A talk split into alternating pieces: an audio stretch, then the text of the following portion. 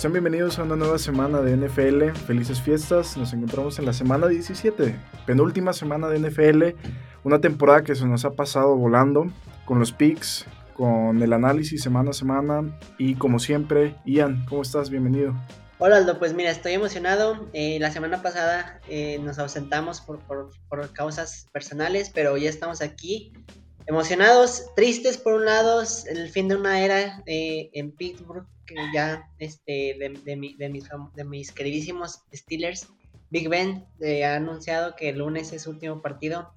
Y a ver, vamos a ver qué nos presenta en contra de estos Browns. Ahí, aunque vienen una derrota sumamente pues humillante, tendría que, tengo que decirlo así, eh, en contra de los Chiefs. Pero pues vamos a ver qué, qué, nos depara esta semana 17 de la NFL. Una semana interesante en la cual ya tenemos algunos equipos clasificados a playoffs y otros que ya están completamente eliminados. Al momento de esta grabación tenemos seis equipos clasificados. Los Ángeles Rams, los Kansas City Chiefs, los eh, Buccaneers de Tampa Bay, los Arizona Cardinals, los Green Bay Packers y la estrella solitaria regresa postemporada. Los Dallas Cowboys regresan. Tenemos cinco lugares definidos en la conferencia nacional y uno en la conferencia americana. Y por parte de los eliminados, pues son los equipos de siempre. Los equipos que desde, un inicio de la temporada mencionábamos que no aspiraban a tanto. Los Jaguars con Urban Meyer y toda la polémica. Chicago Bears con Matt Nagy, que para mí ya no debería de seguir la próxima temporada. Los Lions, los Jets. Eh, los Giants, los Seattle Seahawks, que sorprende, pero también que nos da a ver un poco el fin de una era también de Pete Carroll y también muy probablemente Russell Wilson.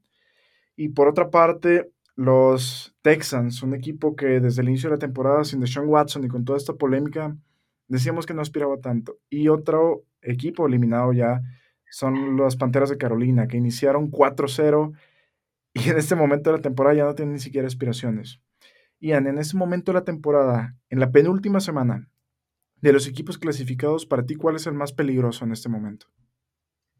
Peligroso, para mí sin duda alguna es, es ese toque que tiene Patrick Mahomes con Tarek Hill, Travis Kelsey y los Kansas City Chiefs, son es el equipo que más peligró y más este que más ha levantado desde mi punto de vista y pues es el que va a causar miedo porque creo que se van a quedar con ese primer sembrado y todos los, toda la postemporada va a pasar por Arrowhead. Sí, los chips que platicábamos al inicio de la temporada, semana 5, semana 6, que era un equipo muy flaco en el costado defensivo, pero ya lo han ajustado y se ha calentado muy bien de cara a la postemporada. Y sabemos cómo juega Patrick Mahomes, cómo juega Andy Reid. Este es un equipo que se enciende y es muy difícil pararlos. En la conferencia americana tenemos muchos empates, tenemos muchos equipos que están buscando asegurar ya su lugar a postemporada este fin de semana. Mencionando un poco de lo que pasa la semana 16, la semana pasada, los Bills recuperan el primer bueno, el liderato en su división. Esta parte tú ya la habías mencionado, que lo iban a recuperar. ¿Qué impresiones te dejó el partido de la semana pasada? Pues mira, primero que nada, una enorme, sobre todo yo diría mejoría eh, en cuanto a la defensa y además de que yo creo que otra vez vi al Mac Jones que no quería ver, eh, por decirlo de alguna manera. O, que, o que más bien quería o, lo, ya lo pronosticaba. Pues al final de cuentas venía siendo este coreback novato, que, que, todos decíamos que pues tenía sus limitaciones y la verdad es que las tiene. Mm, pero pues bueno, porque ya, ya mucho hizo desde mi punto de vista en lo que va la temporada. Además Josh Allen jugando pues bastante mejor. Obviamente el clima ayudó mucho a comparación del primer partido. Recordemos cómo estaba la, tormenta torrencial en Buffalo aquella vez, esta vez jugando en Foxboro.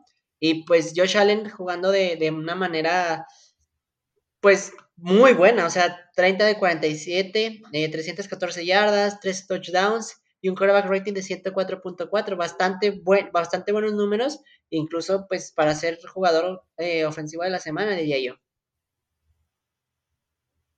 Sí, un partido muy distinto a lo que pasó, como mencionas, en Buffalo. Pero si nos regresamos un poco la semana pasada, Bill Belichick trató de imitar un partido como el de Buffalo, un partido en el que permaneciera el balón en tierra, no darle tanta responsabilidad a Mac Jones. Es hasta cuando se ve abajo en el marcador y se ve apretado el tiempo que es cuando necesita Mac Jones iniciar a lanzar. tuvo dos intercepciones. Mac Jones, que sí, ciertas dudas para ser un coreback franquicia y más en una franquicia tan exigente como son los Patriots. Pero los Pats siguen ahí, siguen en el panorama de postemporada. Ya no en un lugar más arriba, ya están, me parece que en el sexto lugar. Y los Dolphins, que también se, están colando, una sorpresa. ¿Por qué crees que, por ejemplo, en la conferencia americana, hay tantos empates? ¿Crees que es por la semana extra, que es por el COVID o por qué es lo que hace que esto sea tan complejo el panorama de postemporada, siendo la penúltima semana? Fíjate que es una pregunta que siempre me he hecho, porque no es el primer año eh, que regularmente la conferencia americana es más, es más difícil entrar para cualquier equipo. Eh, lo vimos el año pasado. Miami justamente se quedó fuera de playoffs con 10 victorias eh, en, la, temporada y se quedó fuera de playoffs. Y Washington, por el otro lado de la nacional, con, un récord perdedor entró, claro, como campeón divisional, porque también la división no ayudado mucho. Por eso te habla mucho de la competitividad y de lo duro que se juega de un lado y del otro. Eh, no quiero decir que sea fácil jugar, jugar en la nacional para nada. Solo que yo creo que el boleto en el lado de la nacional siempre ha sido más barato que en la americana. Por competitividad, incluso por la zona, en zona geográfica que, están los equipos. Eh, casi, casi todos, eh, o, sea, están en el nor, noreste del país, de Estados Unidos, y, y, yo creo que también eso tiene mucho que ver. Eh, y del, lado de la nacional, si bien hay bastantes también de ese lado, hay, algunos en, también en el oeste, San Francisco, Seattle, mm, también de ese lado, pues no tan, al, no tan al oeste, pero Arizona. entonces yo creo que eso también tiene mucho que ver la zona geográfica, por lo, porque también la mayor concentración que tienen los equipos. Sí, un boleto muy caro esta temporada eh, en la conferencia americana. Regresando un poquito a la conferencia americana, te quiero preguntar de un equipo en particular, Ian. Los Bengals, ¿cómo los ves? Cincinnati Bengals. Un equipo que va a ganar la división. así faltando dos semanas, creo que va a ganar la división. Y un equipo que definitivamente ha sorprendido. O sea, yo creo que este equipo, sobre todo, a mí algo que me ha gustado mucho de estos Bengals es la evolución tan grande de Joe Burrow, que yo creía eh, que, iba a ser un bombos.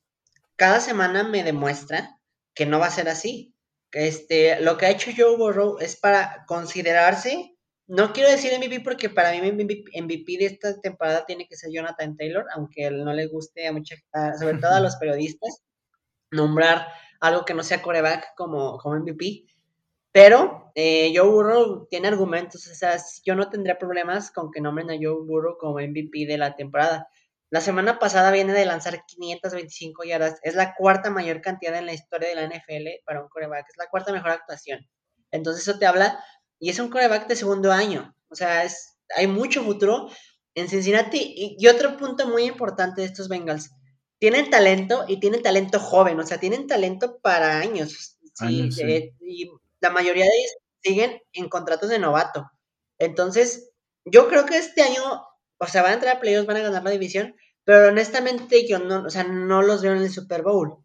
Pero el próximo año, o sea, con este talento, si refuerzan un poquito más la defensiva, eh, un poquito más de presión al coreback, quizá, la verdad es que en receptores están excelentes. Para mí, esto, Tyler Boyd, T. Higgins y Yamar Chase, ese trío de receptores es impresionante. Y además, eh, yo mi primera ronda en estos Bengals lo usaría para, para un liniero ofensivo o eh, que, es lo que creo que le hacen bastante más falta a estos Bengals. Pero sí, es una, es una grata sorpresa. definitivamente me, han sorprendido porque yo, no los veía ganando más de siete partidos este, este, año. Los Bengals que salieron muy bravos esta temporada. Si bien a media temporada pasada se lesiona Joe Burrow y prácticamente se termina. En esta temporada barren con Pittsburgh, barren contra los Ravens. Cierto que no está Lamar Jackson, pero lo que mencionas de las 525 yardas también es para destacar. Este jugador hay que ponerle ojo. Y también compro la parte del talento a futuro. Los Bengals son un equipo que promete de cara a las próximas temporadas. Y otro equipo que prometía hace un par de temporadas son los Chiefs. Ellos ya cumplieron con ganar un anillo. Esta semana se enfrentan los Bengals contra los Chiefs. ¿Qué podemos esperar de ese partido? ¿Qué impresiones nos deja? Mira, es un partido, eh, primero que nada, de, yo creo que va a haber mucha explosividad eh, de ambos lados. Eh, me parece que Travis Kelsey ya salió de la lista de COVID, que es una, un arma importante. Que la verdad es que la semana pasada no le hizo mucha falta en cuanto de mis Steelers. este, porque pues los deshicieron completamente. Mm, eh, y la defensiva de Kansas se vio muy bien, pero contra la ofensiva de los Steelers, estamos de acuerdo que tampoco es un parámetro, ¿verdad?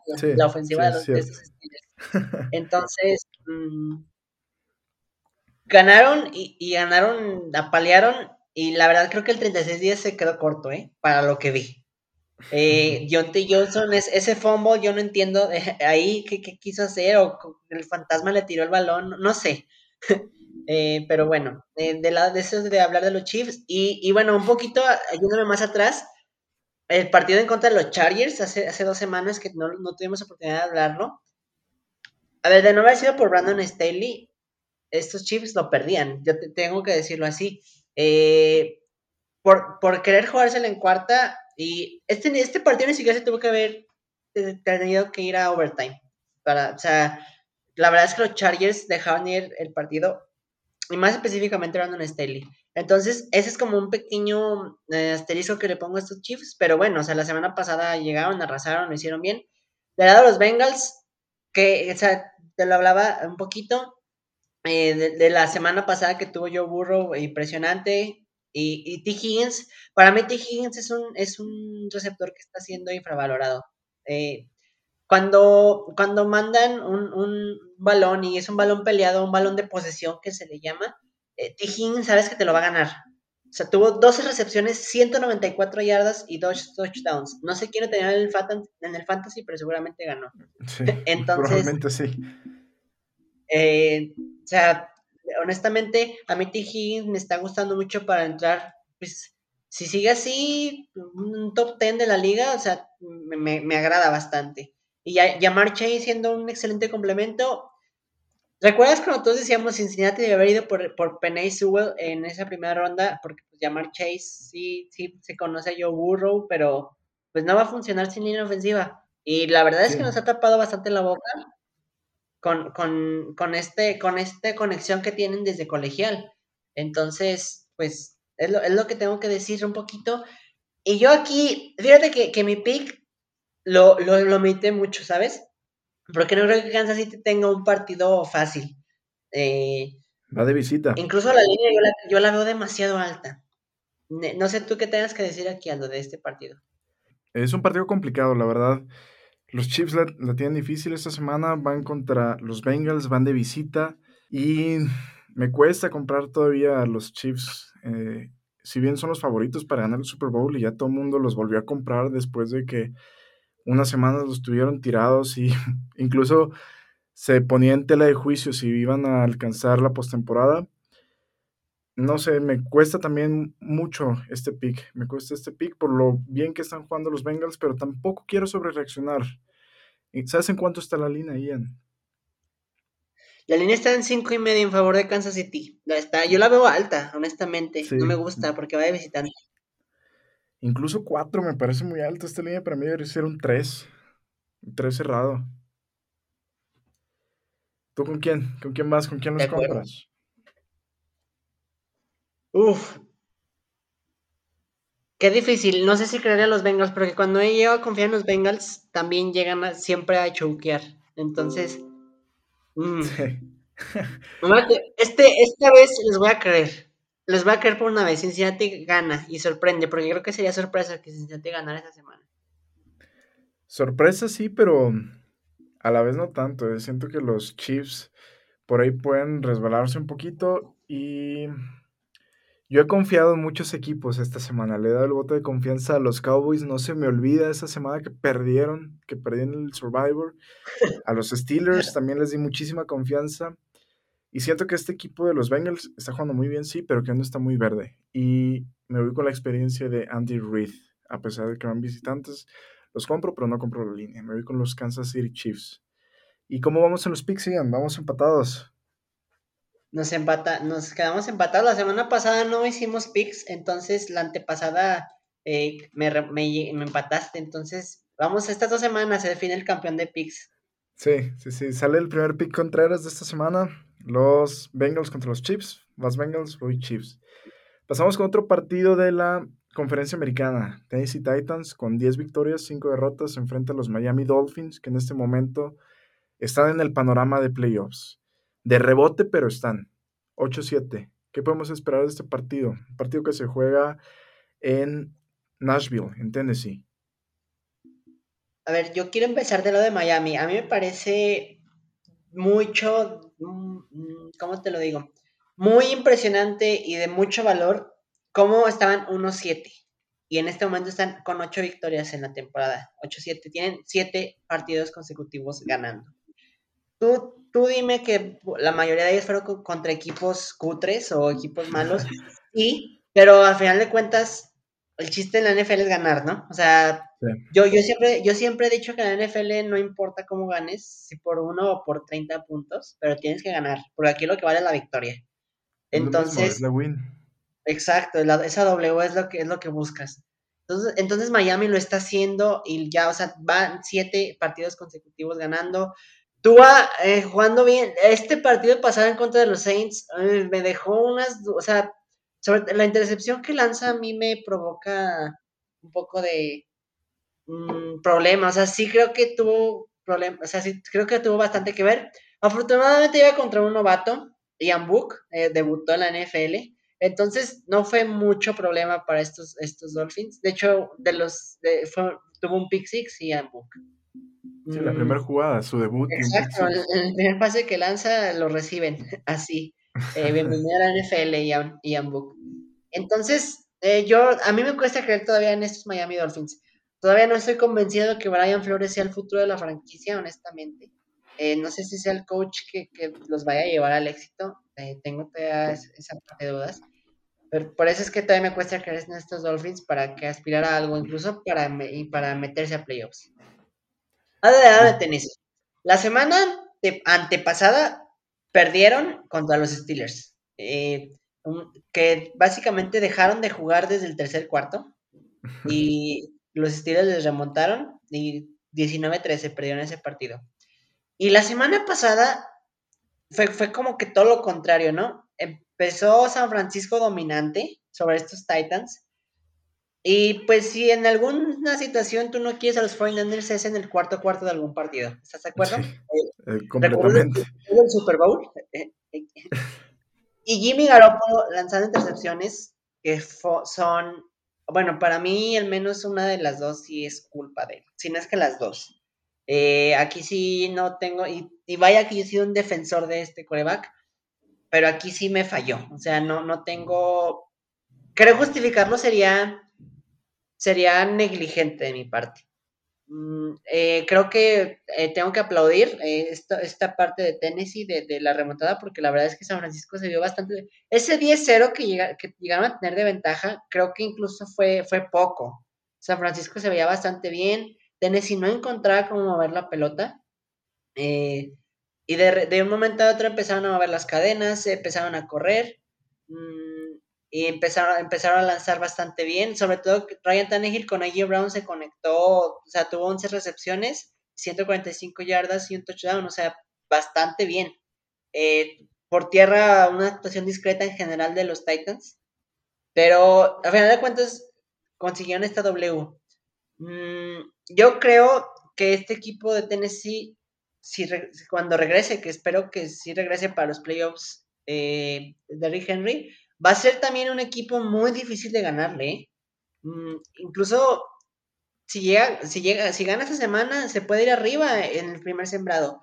Y ya entonces ahí es cuando yo bajaría un poquito ya mis humos con los Chiefs. Porque meterse a Head es una cosa, pero ya que ya meterse, que los Chiefs se vayan a meter a Tennessee con ya con Derrick Henry, aguas. O sea, MS Titans pueden dar este ahí un, una, una sorpresa, sorpresa medias. Y, y sí pueden llegar, o sea, ellos uno, es uno de los tres equipos que creo que pueden llegar a, al Super Bowl del lado de la americana. Entonces, en este momento.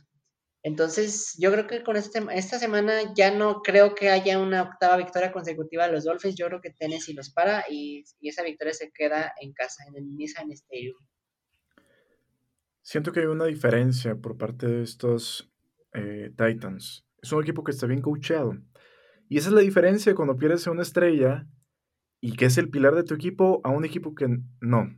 Por ejemplo, Derrick Henry, ¿cuántas semanas no tiene lesionado? Y es un equipo que, está, que ha estado a flote. Si bien ha tenido descalabros importantes, también ha tenido victorias sorpresivas y victorias que muchos decimos, ojo con estos Titans que para mí ya se desinflan. Yo también espero que regrese Derrick Henry por el bien del fútbol, por el bien de todos, por el bien del espectáculo. Y cuidado, lo que mencionas también, cuidado con los Chiefs. Si pierden, estos Titans ganando se ponen el primer sembrado. Y todo mundo quiere ese lugar, todo el mundo pelea. Y los Dolphins, honestamente, el calendario. Veamos los rivales a los que vencieron. No son equipos que estén peleando algo, son equipos que están eliminados. Partiendo la semana pasada, los Saints, sí, un equipo que está en la pelea todavía. Pero antes de eso, Jets, eliminado. Giants, eliminado. Panthers, eliminado. Jets otra vez.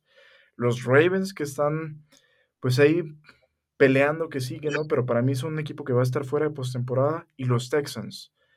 Siete victorias al hilo, sí, aplaudible pero tampoco es para echar la casa por la ventana. Es un caso parecido a los Panthers que están 4-0, a los mismos Broncos 4-0. No los compro definitivamente. Y esta semana, bien lo mencionas, termina la racha de victorias. Es un partido complicado en el Nissan Stadium y tengo que comprar a los Titans. Un equipo bien coachado y que quizá la parte del coreback de Ryan Tannehill un poquito complicado, sí, no es un coreback elite para mí, pero que los mantiene a flote, los mantiene sobreviviendo y esperando que regrese su superestrella. Esta semana voy con los Titans y la próxima también. Los Titans se enfrentan a los Dolphins y a los Texans. Posibilidades hay para meterse por ese primer sembrado, ¿eh? Y bastantes. O sea, que hay que recordar que estos mismos Titans perdieron el primer juego en contra de los Texas. ¿eh? Texans. Entonces, Mira, yo no lo aseguraría. De hecho, justamente ese fue el Survivor que perdí, con, lo perdí con los Titans. Eh, pero sí, o sea, en el papel deberían de ganar ambos partidos. Estoy de acuerdo contigo. Y los Chiefs, que son el equipo a seguir, por ejemplo, en el primer sembrado, Bengals, complicado, Broncos, divisional. Pero que los Broncos, honestamente, no los veo pues mucho que le puedan plantar a estos Chiefs. Además, Mahomes va, va invicto en contra de estos Broncos, entonces yo creo que también va, a ganar Mahomes. Está en sus manos, está en las manos de Kansas. Y por parte de los Bills, otro equipo del que hablábamos mucho, pues se nos cayó, o sea, los Bills, si bien recuperaron, eh, actualmente son líderes divisionales, nueve victorias, seis eh, derrotas, pero están a dos juegos, o sea, necesitan un milagro para ser incluso creo que el criterio de desempate ya no les favorece, ya no, ya no pueden ser primer sembrados, ¿no? No, ya, de hecho, si Tennessee gana uno más, ya se despiden, porque contra Tennessee tienen ese criterio de desempate eh, en contra. Contra Kansas sí lo tienen a favor, pero contra Tennessee no. Sí. ¿Y qué es muy probable que pase esta semana? ¿Coincidimos con el pick? Sí, definitivamente creo que Tennessee se lo lleva. Vamos con un pick igual. Vamos con los Titans de locales. Ok. Eh, pasemos al siguiente juego, bien. Un juego interesante. Un partido de los Dallas Cowboys, la estrella solitaria contra los Arizona Cardinals. Partido que se juega el domingo a las 3 de la tarde. Los Cowboys que nos sorprendieron con el regreso de Dak Prescott, 11-4 frente a los Cardinals, que perdieron el primer sembrado 10-5. ¿Qué podemos esperar de este partido?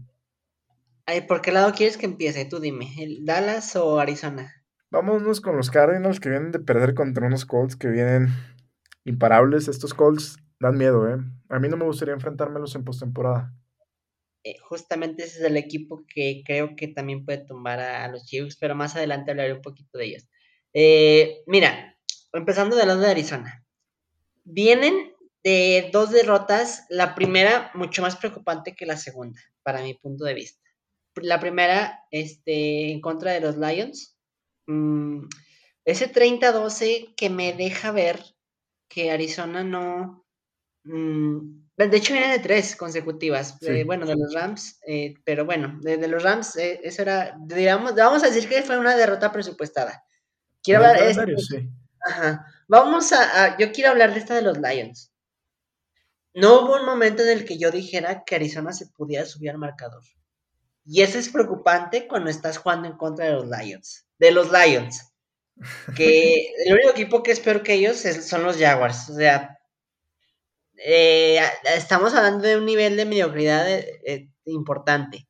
Y que te hayan dominado así. Y volví a ver estas dos semanas en contra de Detroit y en contra de Indianapolis al Cliff Kingsbury que yo no puedo confiar. Te lo dije al inicio de la campaña. Cliff Kingsbury no me genera confianza. Y, el último podcast que grabamos lo recuerdo perfectamente. Ambos creíamos que Arizona podía ganar la división, o, pero era un one and done. O sea, era un muy potencial one and done. O sea, el primer juego, adiós. Sí, coincidimos. Y justamente, ajá, justamente este equipo me está demostrando que sí es, o sea, ya, ya el boleto de playoffs ya lo tienen, la división, yo creo, o sea, a menos que también pase un milagro, ya la perdieron. Eh, desafortunadamente, y ellos solitos en dos semanas se fueron a, o sea, ya perdieron la división solos. Porque creo que esa semana en contra de sus Cowboys no les veo mucha. Ay, solo que Mike McCarthy haga un Mike McCarthy. Eh, eh, veo que ya que le puedan sacar, que le pueda sacar a Dallas, pero yo lo dudo. E, eso de lado de Arizona, además de que Kyler Murray también ha bajado bastante su nivel. O sea, también aquí tengo que tirarle a Kyler Murray. Entonces, eh, además la, defensiva eh, dejó de, parar. No sé en qué momento Arizona se empezó a perder todos los encantos. Y creo que James Conner y de, Andre Hopkins, que son dos jugadores titulares importantes que llegaron a perder por lesión, mm, sobre todo el de Andre Hopkins, yo creo que sí hace falta porque un talento así siempre hace falta, pero yo no estoy tan seguro que sea la pieza clutch que realmente les haga, los haga contendientes a solo equipo de playoffs. No sé qué opinas tú de, los, de esos Cardinals específicamente. Los Cardinals son un equipo que se cayó, honestamente, los poníamos, me parece que en la semana 8, cuando iban 7-0, decíamos que se quedaba el invicto. No se acabó el invicto, Siguieron jugando bien, pero me preocupa mucho tres derrotas al hilo y una vez más Arizona Cardinals se cae al final de la temporada. Es algo sintomático, no es la primera vez que pasa con este equipo y me preocupa, es un equipo que me preocupa sinceramente que no sepa jugar el cierre de temporada, que es cuando los equipos se calientan y que es cuando se ven los contendientes reales y los equipos que solo llegan a jugar un partido y se van, como tú lo mencionas.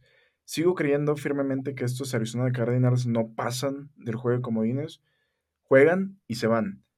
Y por parte de los Cowboys, es un equipo que ha sorprendido propios extraños. Al inicio no proyectaba tanto, pero el regreso de Dak Prescott ha sido interesante, ha sido bueno. Siento que ha sido una campaña buena y que les hacía falta a los aficionados de la estrella solitaria y tanto al equipo como tal.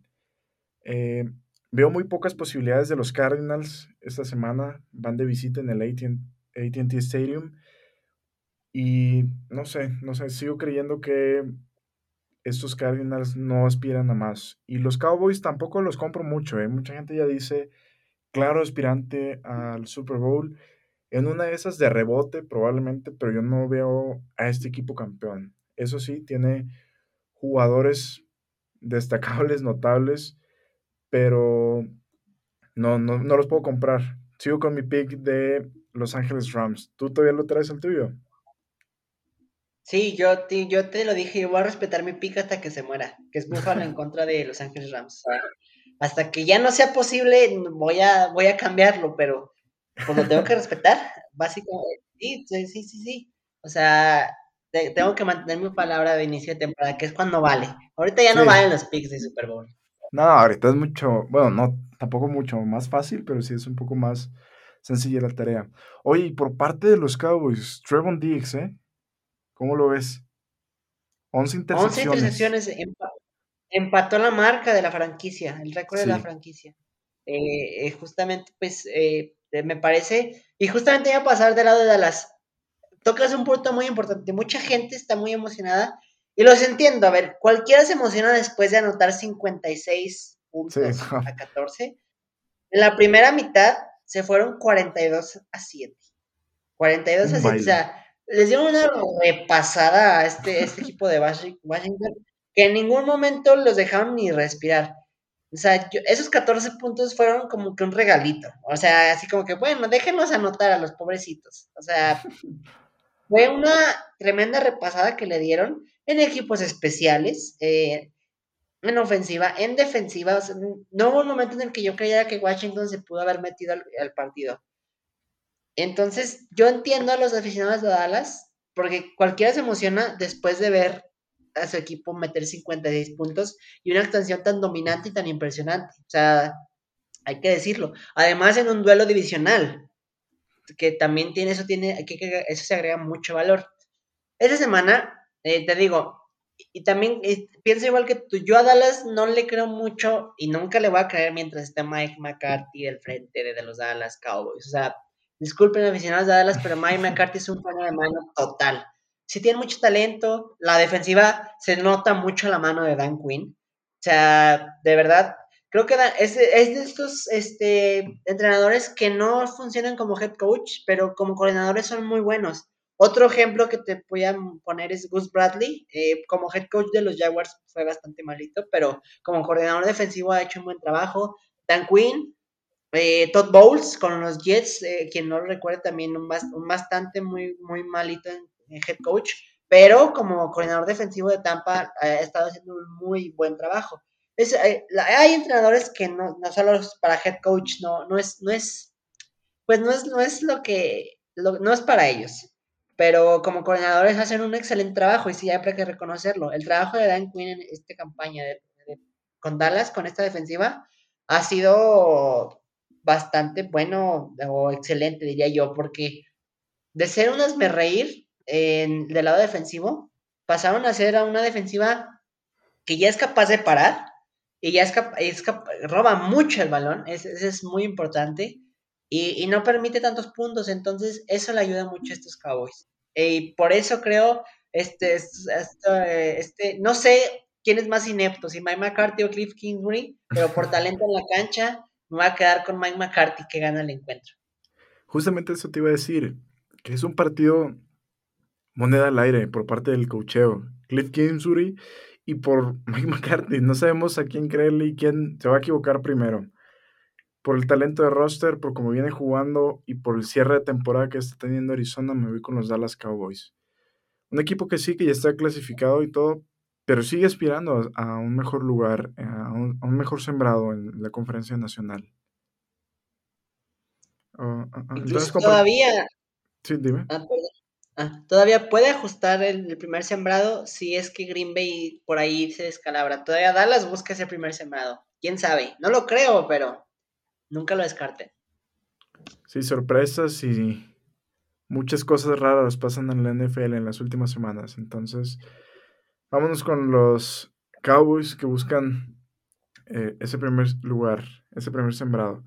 Pasemos al siguiente partido, Ian, precisamente hablando de los Green Bay Packers que reciben a los Minnesota Vikings. Los Vikings que buscan uno de esos dos boletos pendientes en la conferencia nacional. Partido que se juega en el Lambeau Field. La revancha de Aaron Rodgers tras la derrota de Minnesota Vikings. Te quería pasar un dato de Aaron Rodgers. Está jugando nivel MVP, ¿estás de acuerdo con eso? De acuerdo. Los últimos cinco partidos, 16 touchdowns, 0 intercepciones. El único partido que perdió de sus últimos cinco fue contra Minnesota precisamente. ¿Qué podemos esperar de Aaron Rodgers y compañía frente a los Vikings? ¿Crees que hay revancha o crees que se lo vuelven a llevar eh, los Vikings? Que justamente ese partido que mencionas, eh, ahorita se me vino a la mente, dio un partidazo. Me parece que lanzó más de 380 yardas, si no, si no mal recuerdo, tres touchdowns. Y sí, el partido terminó 34-31, no lo recuerdo. Eh, este, pero sí, Aaron Rodgers ahí dio un partidazo. Mira, es que estos Vikings eh, a, mí, me generan mucho conflicto porque dan partidazos o, medios partidos como el que dieron en contra de los Steelers y luego van y pierden contra Detroit. Sí. Entonces, eh, estos son los Minnesota Vikings y honestamente, o, son capaces de ganarle, que para mí en este momento es el mejor equipo de la NFL, que son los Green Bay Packers. Mm, porque tienen, tienen un balance bastante bueno entre ofensiva eh, y, entre defensivo, o sea, saben que, para mí esa es la clave, el balance, siempre. No puedes permitir tantos puntos porque en algún, aunque tu ofensiva sea muy buena, porque en algún punto eso va a fallar, o tampoco puedes este, tener una super defensa sin anotar puntos a la ofensiva. Entonces, creo que Green Bay tiene ese balance que, yo valoro mucho en los equipos. Mm, eh, entonces, estos Vikings y luego Kirk Cousins, hijo, sí, sí. Es que, ¿cómo, ¿cómo puedo confiar en que Kirk Cousins puede ser el, el coreback que me pueda llegar? Pues ya no te digo playoffs, ya será algo importante, o sea, más allá de los playoffs, las intercepciones que iba a tirar, que a ver, la semana pasada en contra de Matthew Stafford fue una fiesta, o sea, Matthew Stafford tiró tres intercepciones eh, en contra de esta defensiva de los Vikings. Mm, que, aquí también, eh, un poquito para los Rams, eh, hay más adelante te, daré como que unos comentarios acerca de estos Rams, pero ah, los, yo no puedo confiar en los Vikings, ese es mi problema. Además de que sigue siendo temporada regular, mm, el primer partido lo ganó Minnesota, yo confío en que Aaron Rodgers pues busca esa venganza, que, que, la verdad es que Aaron Rodgers lo disfruta, disfruta el caos. Entonces... Yo, yo compro esta semana a los Packers para que, esa victoria se quede en el Lambeau. Y, asegure el primer sembrado, justamente. Me parece que con esa victoria asegura el primer sembrado de la nacional.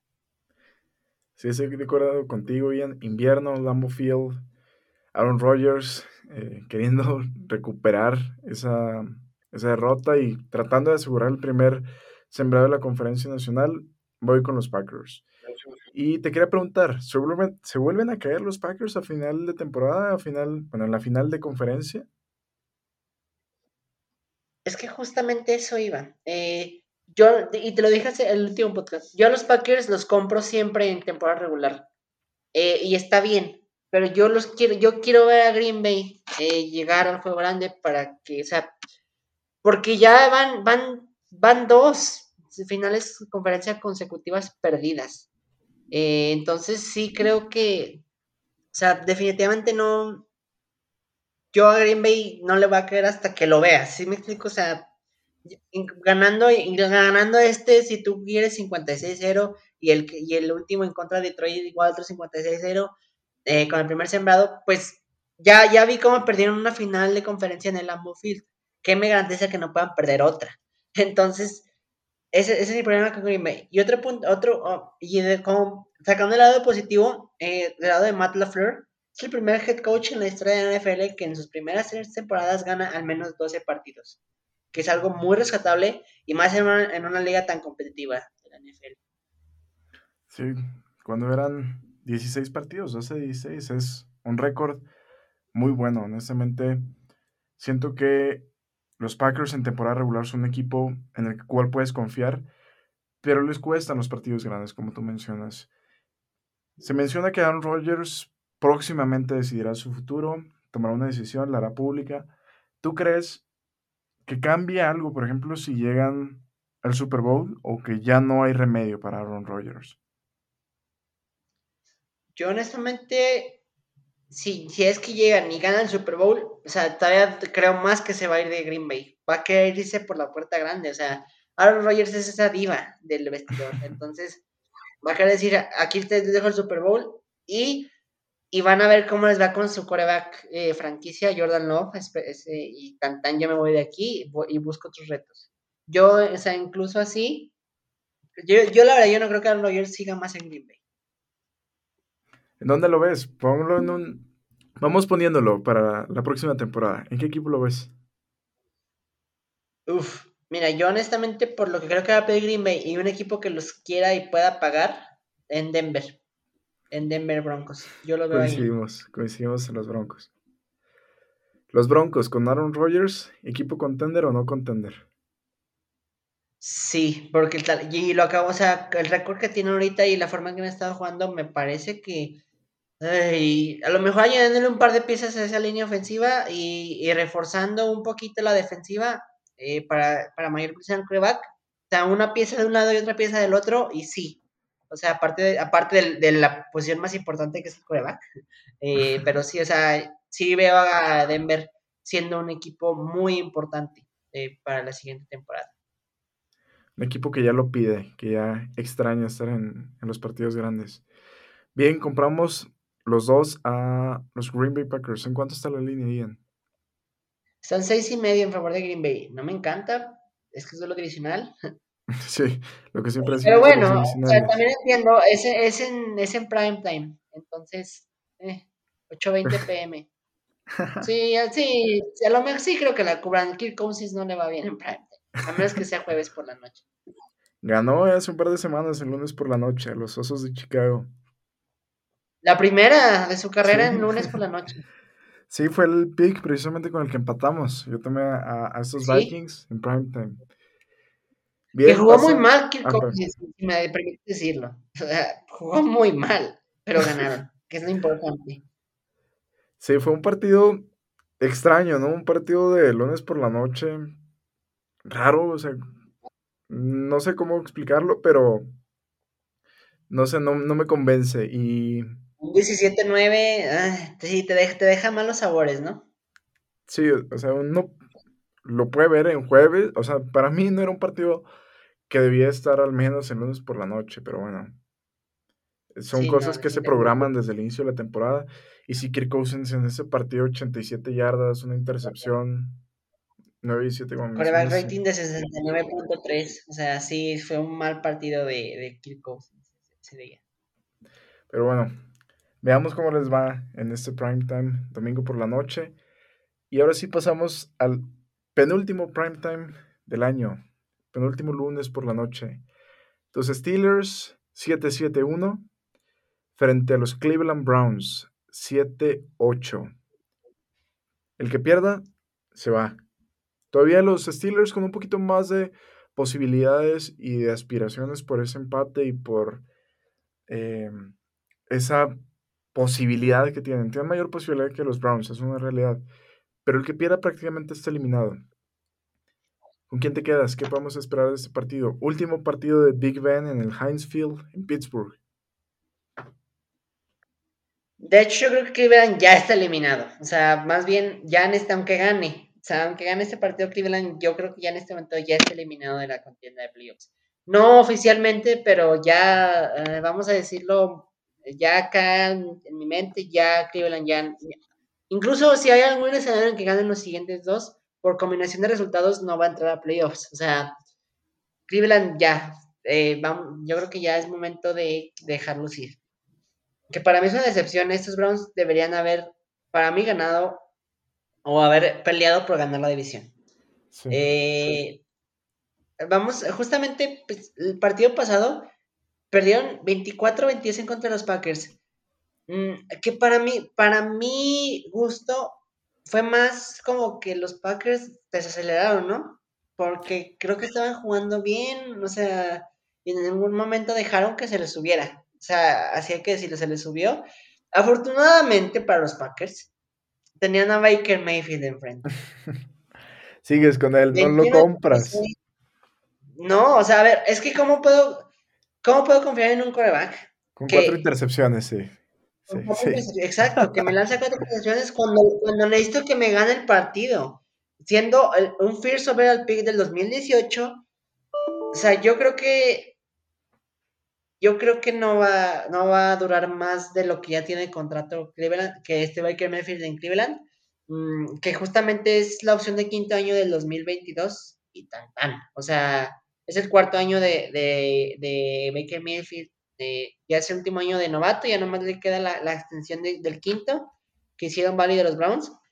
Pero yo creo que Kevin Stefanski va a querer buscar, eh, no sé si para el draft de 2023, si en este año sea buena idea. La verdad es que creo que no, que creo que este año no es buena idea agarrar un coreback, eh, desde mi punto de vista. Mm, pero sí, yo no le veo ya más futuro a Baker Mayfield de, en cuanto a, que se quede ahí. Y qué difícil para los Browns, o sea, es el coreback que más les ha dado, eh, así, o sea, a ese nivel estamos, es el coreback que más les ha dado en los últimos 20 años. O sea, Baker Mayfield es el coreback que más le ha dado a los Browns en los últimos 20 años. Y ese es el problema de los Browns. Entonces, sí, eh, eh, yo creo que Cleveland ya hay, que darle, hay que darle los santos óleos. Los Steelers, este equipo eh, pues es el ADN Steelers, desde mi punto de vista. Va a pelear hasta la última semana de postemporada. Eh, además, este es el último juego de, Big Ben eh, en casa, en el Heinz Field. Yo creo que se lo van a llevar. Bien es cierto que vienen de una derrota humillante en contra de los Chiefs, 36 a 10. Mm. Y sí, o sea, no, no tengo como... Se vieron mal, o sea, no, no hay como... No hay justificación, sí. No encuentro un punto, de hecho ni siquiera encuentro un punto rescatable entre los Steelers la semana pasada, o sea, siempre llego y, le rasqué, pero no, no encuentro ni ofensiva ni defensivamente un punto rescatable de los Steelers, así tal cual, nos barrieron ofensiva y defensivamente hablando. Eh, pero a ver, esta semana va a encontrar un equipo que tiene una cierta hegemonía, así, si bien es cierto, sé que van a recordar los últimos, el partido de playoffs de hace un año, pero este año ya le ganaron a, estos Browns, hasta simpateador, 15-10 quedó ese partido. Yo creo que este, por ese orgullo, ese último partido, como que todo, yo creo que los Steelers se van a llevar este, este, este Monday Night Football, esta victoria se queda en casa. Eh, a lo mejor por talento Cleveland, no a lo mejor, por talento Cleveland en roster es más fuerte, pero pues los Steelers siguen teniendo eso, esa garra, vamos a decirlo así, esa garra de un equipo importante y pues no me gusta decir grande porque grande suena más como equipo de fútbol, soccer, pero un equipo importante en la NFL, un equipo que, con una cultura competitiva y ganadora. Entonces, creo que todo eso va a ser a relucir contra un equipo que no la tiene todavía. Entonces, eh, los Steelers se lo llevan. El escenario está puesto para Big Ben. Despedirse con su gente en su estadio. Yo siento que los Steelers ganan más por la parte anímica, emocional, que sabemos que eso en los deportes afecta muchísimo.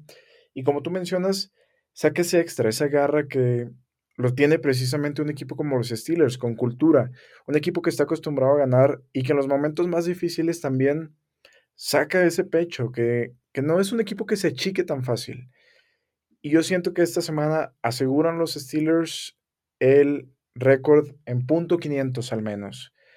8-8-1. Pero yo, para mí, este equipo se puede ir 9-7-1. Porque la próxima semana enfrentan a los Ravens y tienen que ya estar haciendo y sacando calculadora para las posibilidades a playoffs.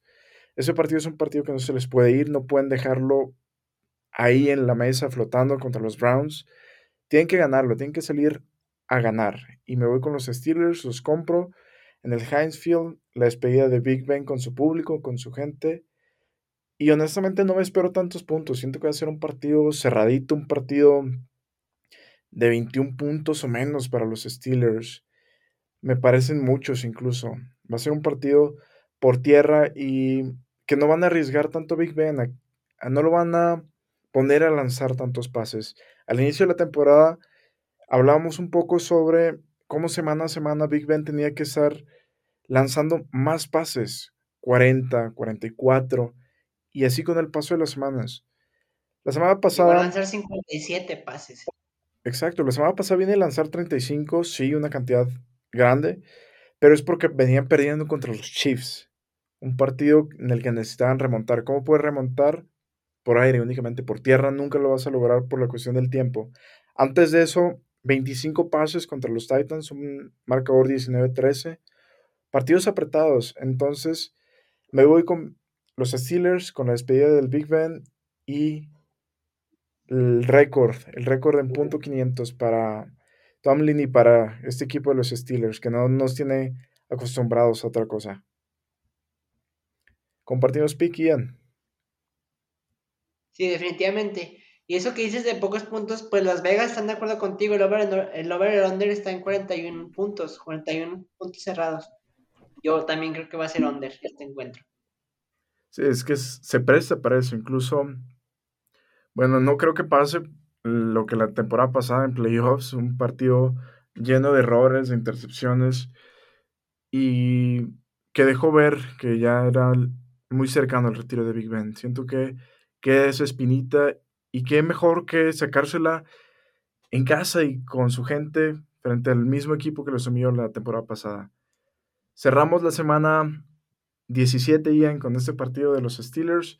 algunas notas rápidas de los equipos. ¿Qué podemos decir, por ejemplo, de los Chargers, de los Rams o de algún otro equipo que tengas por ahí? Pues mira, de los Chargers, eh, más que nada quisiera tirarles, o sea, a ver, ¿cómo vas a hacer que eh, los Texans te dominen? Ahí estoy enojado, ¿eh? 41-29 Justin Herbert jugó mal, o sea, sí lanzó, sí lanzó más de 300 yardas. Las dos intercepciones son culpa de él, sobre todo la del pick six fue una barrabasada, o sea, es, esa, o sea, sí, o sea, discúlpame, y, yo lo he defendido y, y, me he subido al tren de los Chargers, ya los tiré, o sea, ya ni siquiera los ven playoffs, así te lo digo. Además, Brandon Staley parece que está jugando Madden semana a semana. Y luego todavía sale a justificar sus decisiones diciendo que él siempre va a salir a jugar a ganar. Y me parece risible cuando para mí jugar a ganar es poner en posición a tu equipo para, para que gane, no jugártela en cuarta oportunidad. Y él se basa mucho en los analytics. Los analytics no te dicen que te juegues siempre en cuarta oportunidad. No entiendo por qué le gusta tanto si el tipo de verdad parece que está jugando Maiden. O sea, o sea el, ese partido en contra de los Chips, ese encuentro no debió irse a tiempo extra. Los Chargers debieron haber ganado. Eh, perdonó en zona roja tres veces, me parece, o dos. Mm, debió haber, se imagina, o sea, e, eran seis puntos ahí mínimamente. Ni siquiera tuvo que haber sido overtime ese encuentro. Y la semana pasada los Texans pasaron por encima defensivamente eh, a la ofensiva. A ver, hicieron ver a Rex Burgett, a Rex Burgett, a, ese corredor eh, tan malo de New England. Lo hicieron ver como Emmitt Smith, como Walter Payton. Se vio, se vio, se vio así ese nivel de, de jugador. Te metió 149 yardas por tierra Rex Burgett. Eso me habla de muy mal entrenado. Entonces, así, cada vez, o sea, ya, para, ya los dejé, los Chargers se cayeron de mi gracia completamente, y Brandon Staley, o sea, se va a quedar en los Chargers porque pues es el primer año, es, es un coach novato, pero lo tenía muy arriba, ya lo bajé como cuatro escalones, o sea, eso, eso es de los Chargers. Y del lado de, su vecino, de Los Ángeles Rams, este, esta semana va en, contra de, los Ravens, justamente este equipo que se cayó y se cayó feo, eh, pues desde mi punto de vista. Pero Matt Stafford no me está generando ningún tipo de confianza. ¿eh? ¿eh? las tres intercepciones que lanza, afortunadamente adelante tenía unos muy irregulares Vikings. Pero cualquier coreback eh, que te lance tres intercepciones en un partido, la mayoría o el más del 90% pierde. O sea, el entorno que hay al, general, alrededor de Rams no me genera mucha confianza. Eh, y aún así creo que esta semana le van a ganar de visita a Baltimore. porque también Baltimore, ay, aquí también John Harbaugh. Eh, sobre todo, se la volvió a jugar hace dos semanas por esos dos puntos en contra de Green Bay. Dios no le volvió a salir. Y no le volvió a salir, ese es el problema. Y, yo siempre juzgo la decisión antes de, ver el resultado, porque, a ver, suponiendo que, que logra y mete 32-31. Todavía tenía, porque el argumento era que pues tenía a Rogers enfrente y así, pero a ver, aunque hubieras hecho la conversión de dos puntos, seguía más de 40 segundos en el reloj. Y Aaron Rodgers con la posición del balón, o sea, no, era un gol de campo de diferencia todavía. Entonces, aquí la entiendo, todavía con los Steelers medio la justifiqué, medio, porque creo que también fue tonta. Eh, pero a ver, en contra de los Packers, no, no, no veo como por qué lo hizo. O sea, John Harbaugh aquí también. Eh, aquí, y otra vez aquí entran las analytics, que por qué tanto, qué tanto argumentan, pero pues una cosa es lo que te digan los números y otra cosa es lo que estás viendo en el partido. Si te guías 100% por lo que ves en el partido, digo, por, por, perdón, por los números, pues jamás vas a lograr algo importante en la NFL. Además, este, pues bueno, esta semana va a regresar Lamar porque la semana pasada Josh Johnson, que la verdad jugó bastante bien, ¿eh? Josh Johnson lo hizo bastante bien contra los Bengals, para lo que era, lo contrataban el martes, entonces se tenía cinco días de con el equipo. Mm, Y, y sí entiendo que la, la, defensiva, la secundaria de Baltimore, pues básicamente era como un cuarto equipo en contra de los Bengals. Pero aún así estuvo muy feo. Yo creo que por, por todos estos factores va a ganar los Rams. Y la línea me, me gusta, menos tres. O sea, incluso creo que está un poquito alta. Y si estuviera en menos uno y medio, estaría perfecta esa línea para los Rams. Pero Va a ser un partido cerrado, estoy seguro, porque también los Ravens eh, suelen, suelen hacerlo así, pero los Rams se lo llevan. Y Baltimore, pues también ya se, se, despide de playoffs en la campaña 2021 de la NFL. Muchos esperábamos de estos Ravens, pues una buena temporada. Si bien las lesiones lo mermaron al inicio, pero iniciaron bien, iniciaron sólidos. Em, siento que es un equipo que se cayó mucho por las lesiones, un equipo muy lastimado tanto por el COVID como por la parte física, que no lo respetaron y no los veo en postemporada. Incluso si llegaran a meterse de rebote, que es muy complicado, es uno y fuera para estos Ravens. Lamar Jackson todavía no está en condiciones de llegar a un partido grande con este equipo. Y compro lo mismo, lo mismo que tú. Voy con los Rams eh, de visita. Un partido apretado, sí, pero que me gusta. Me gusta el equipo de Los Ángeles. Pasamos a los picks, Ian, para despedirnos de este programa, de este episodio 17. Bien, iniciamos ya. En esta semana tenemos un partido, un par de partidos que honestamente no se juegan nada más que un mejor lugar para el draft de la próxima temporada. Es el caso del primer partido, del partido con el que iniciamos. Chicago Bears frente a los New York Giants. Partido que se juega en Chicago. ¿Con quién te vas? ¿Con quién te quedas? Uf. ¿Va a salir Nick Foles de titular o va a salir Justin Fields? La verdad no sé, pero le perdí la pista a los Bears, tengo que, tengo que serte honesto, pero ay, talento, talento, talento. Creo, creo, creo que es más incompetente yo, George que Matt Nagy y creo que tiene menos talento Chicago que New York. Creo que los Bears se lo llevan. Voy con los Bears. Matt Nagy intentará arañar por ahí un poquito el, quedarse para la próxima temporada, lo cual yo veo improbable. ¿No viste que en el en la arena de los Chicago Bulls la gente pedía que despidieran a Matt Nagy? Sí, o sea, ese nivel tiene también. Y, para decir que Joe Yoch es más inepto, sí, no. No debería de Chicago porque darle una oportunidad más a Matt Nagy. Sí, los Bears ya tuvieron suficiente con Trubisky, ya tuvieron suficiente con Matt Nagy. Cambio, necesita nuevos aires este equipo. Vamos, vamos con los Chicago Bears. Pasamos al siguiente partido. Los New England Patriots reciben a los Jacksonville Jaguars.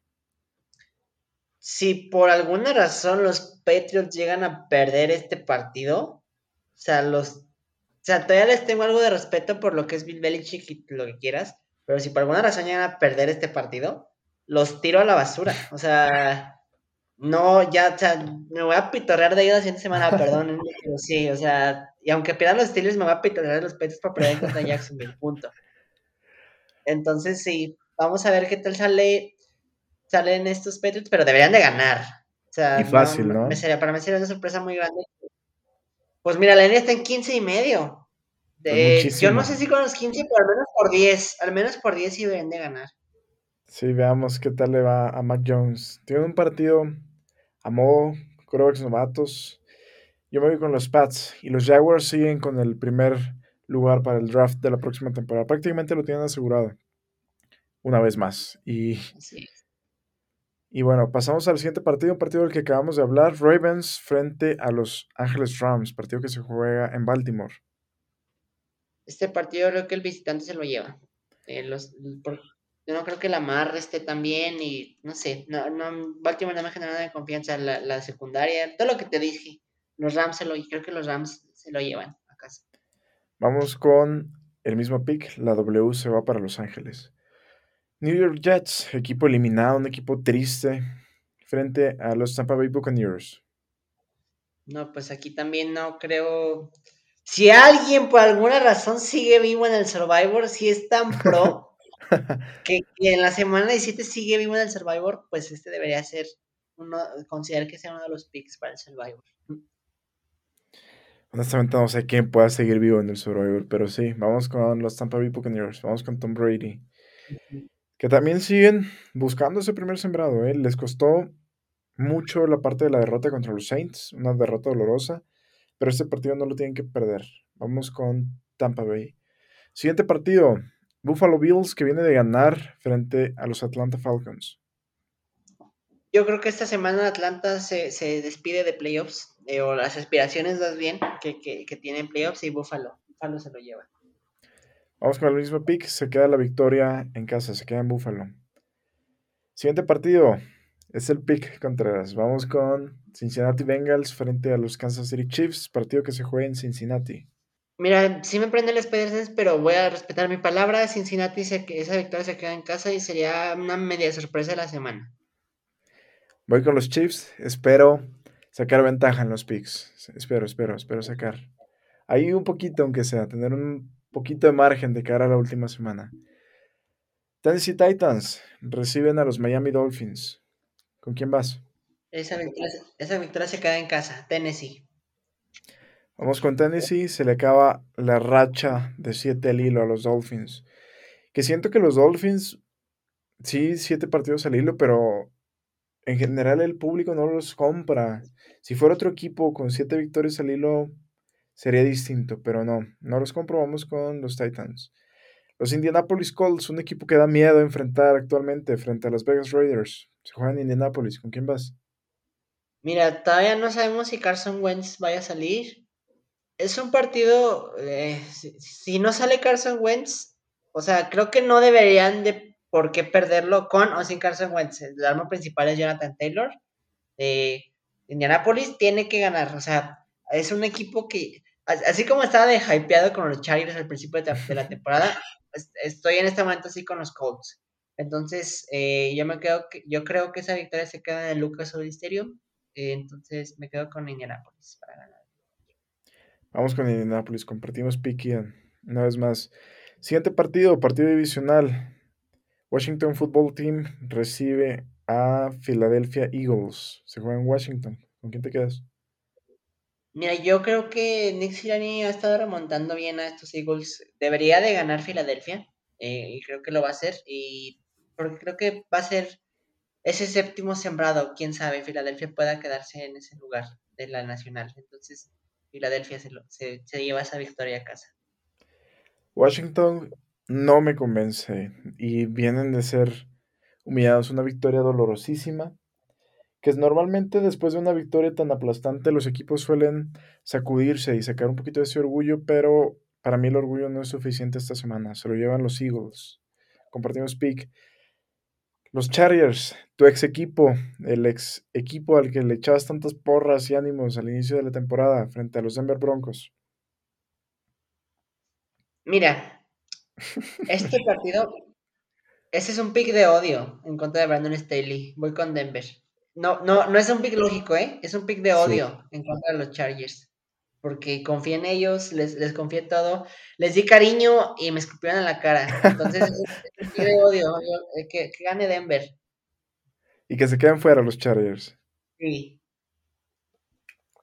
Voy con los Chargers, no puedo no tomarlos. Después de perder contra los Texans y peligrando su lugar en postemporada, tienen que apretar las tuercas. Y voy con los Chargers. Un partido divisional, un partido complicado. Normalmente estos partidos son muy, muy apretados, pero voy con los Chargers. Segundo pick, Contreras.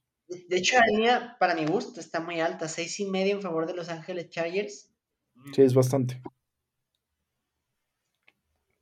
Es bastante por cómo han estado jugando los Chargers y porque es un duelo divisional. No, no la compro. De acuerdo contigo. Vámonos con los 49ers, un equipo que tampoco sabe si va a jugar Jimmy G, que se enfrentan a los Texans. ¿Con quién te quedas? Ay, me da dolor este decir esto, pero pues que juegue Jimmy G o no, ya en este momento. Si, sienta entra Trey Lance, pues, deberían de ganar con dos, pero no veo mucha diferencia ya. O sea, ya en este momento y por lo que he visto de ambos, a ver, aquí tengo que, o sea, si tengo que decir algo bueno de los Texans, Davis Mills, creo que merece una oportunidad para que algún equipo le dé oportunidad de quedarse como prueba titular de la NFL. se ha visto mejor incluso que Trevor Lawrence. Incluso que, es más, es el novato que mejor lo he visto. Y es un, es un novato, un novato de tercera ronda. Entonces, si los Texans, más bien, no, o sea, seguramente los Texans se van a hacer de, de Sean Watson. Yo no estaría en contra de que les dieran la oportunidad a de Davis Mills de de verdad armar un equipo alrededor de él. O sea, a ver, se ha visto muy bien. Aún así creo que San Francisco va a ganar. O sea, tampoco me estoy tan subido en ese barco.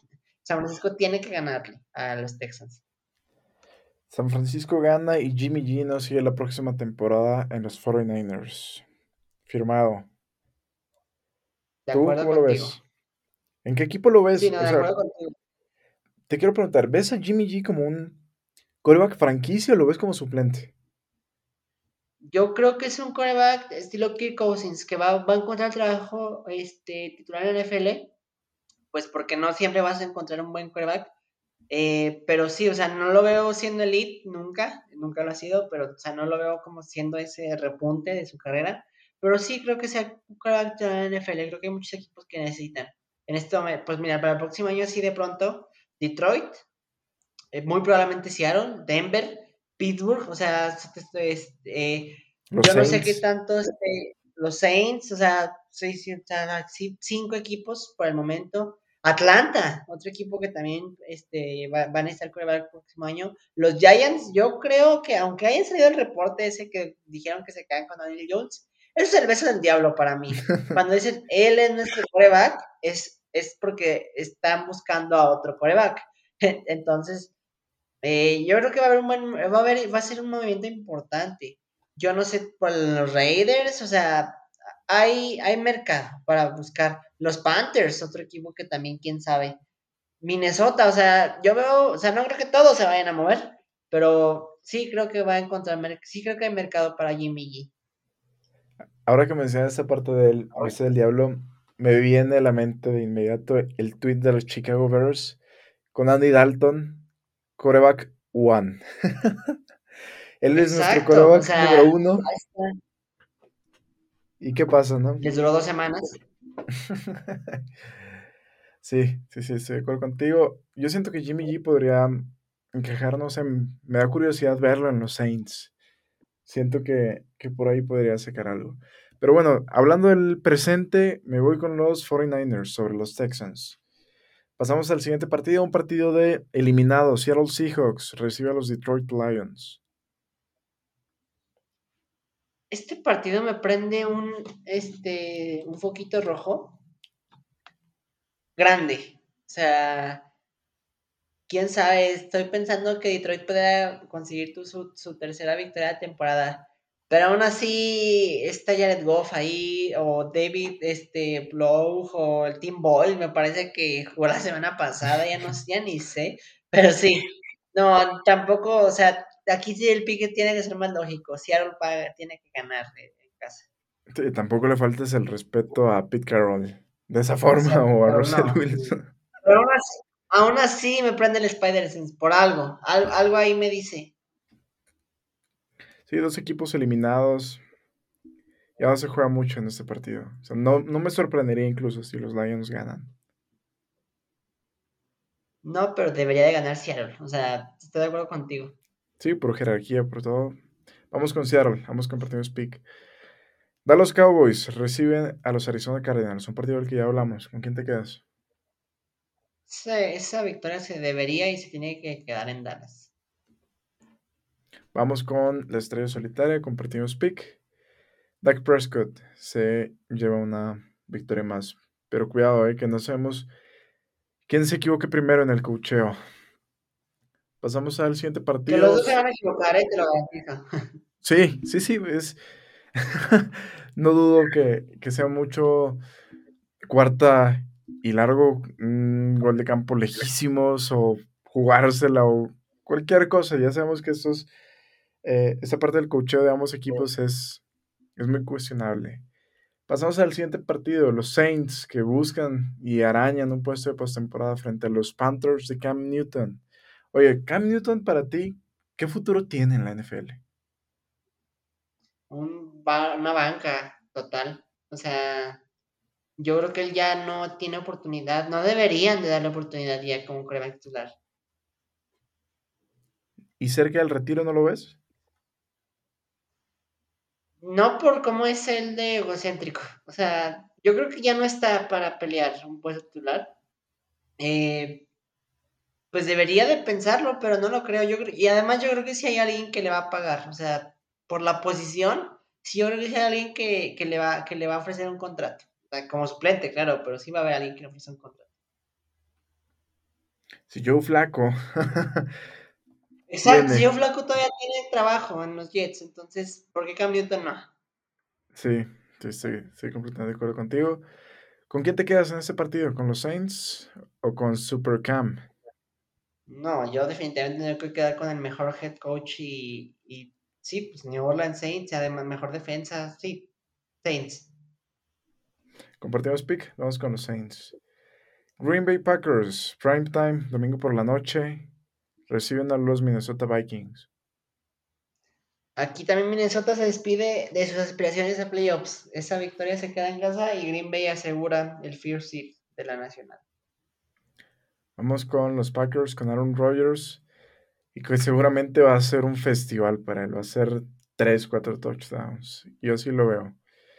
Y último partido. Último partido de la semana 17. Tus Steelers. Último partido de Big Ben en el Heinz Field. Frente a los Cleveland Browns. Esa victoria se queda en casa en la despedida del Big Ben. Eh, los Steelers ganan. Vamos con Big Ben, una última vez. Un grande de la NFL se retira. Salón de la fama, sin duda. First ballot, debería. Sí, sí, completamente de acuerdo contigo. Cerramos la semana 17 con los picks, dos picks Contreras, ambos de la conferencia americana y los Chiefs. Yo me, tú te vas con los Bengals, yo me voy con los Chiefs. Y en un partido divisional, tú vas con Denver, yo voy con los Chargers veamos cómo quedamos de cara a la semana 18, última semana de temporada regular. Se nos pasó volando bien.